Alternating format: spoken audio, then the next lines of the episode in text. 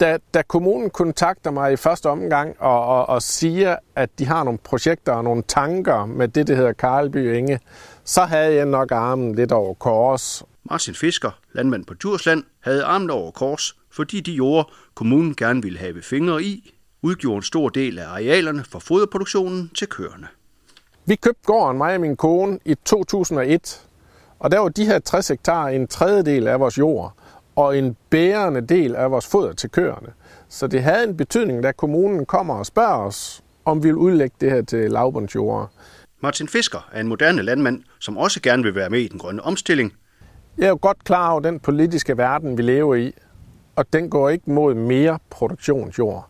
Jeg kan også godt se, hvad vej min enge de er, og de bliver mindre og mindre dyrkbare. Så skal vi som medlem af Landbrug Fødevare give det, vi kan give i den her biodiversitets- og CO2- og klimasnak, vi har.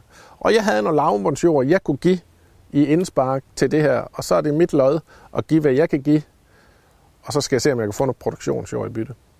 Og derfor besluttede han og familien at indgå en dialog omkring udtagning af lavbundsjordene mod Karlby Enge. Men der var mange lodsejere, som havde arealer ned mod området, der fylder i alt 160 hektar. Og med mange lodsejere følger også mange følelser, meninger og en masse historik, og derfor kom den såkaldte modningsproces til at tage noget tid. Så vi er 25 lodsejere i alt. Og der er nogen, der har følelser med i spil, og der er nogen, der har økonomi med i spil, og det skal vi have til at flette ind. Og vi skal også blive enige om værdisætningen af jorden. For at sætte skub i processen valgte de mange lodsejere nogle repræsentanter, som fik til opgave at værdisætte jorden. Når vi så skal til at finde ud af, hvad jorden er værd, finde ud af, hvordan vi skal fordele jorden og finde erstatningsjord, så finder vi ud af, hvad 100% værdien er for jord. Altså, hvad er en ganske almindelig og god hektar jord værd.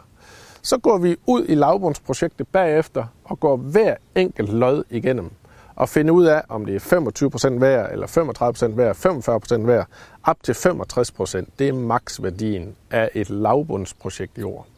Martin Fisker er overordnet glad for aftalen og for processen, og han opfordrer dig som er kommende landmand til i hvert fald at lytte til myndighederne for både miljøet og for din egen skyld. Går man ind i sådan et projekt her, skal man ikke være bange. Det er Landbrugsstyrelsen, der står for det, og man skal ikke være bange for Landbrugsstyrelsen. Der sker intet, før man har sat sin underskrift. I hele processen kan man altid sige nej og bakke tilbage. Hvis jeg var en ny og ung mand og stod over for at skulle overtage en gård, hvor det var en del af jorden, det var lavbundsjord, så vil jeg helt klart opfordre til at gå positivt ind i projektet, fordi der er muligheder i det. Der er natur i det, men hvis man ikke har brug for jorden, er der også muligheder for at deltage i et projekt, kan få Landbrugsstyrelsen ind over, og man kan få noget jordfordeling i gang i området, så man kan få byttet sin jord i området, øh, til det bliver bedre for den enkelte gård. Jeg har valgt at sælge jorden og modtage noget erstatningsjord.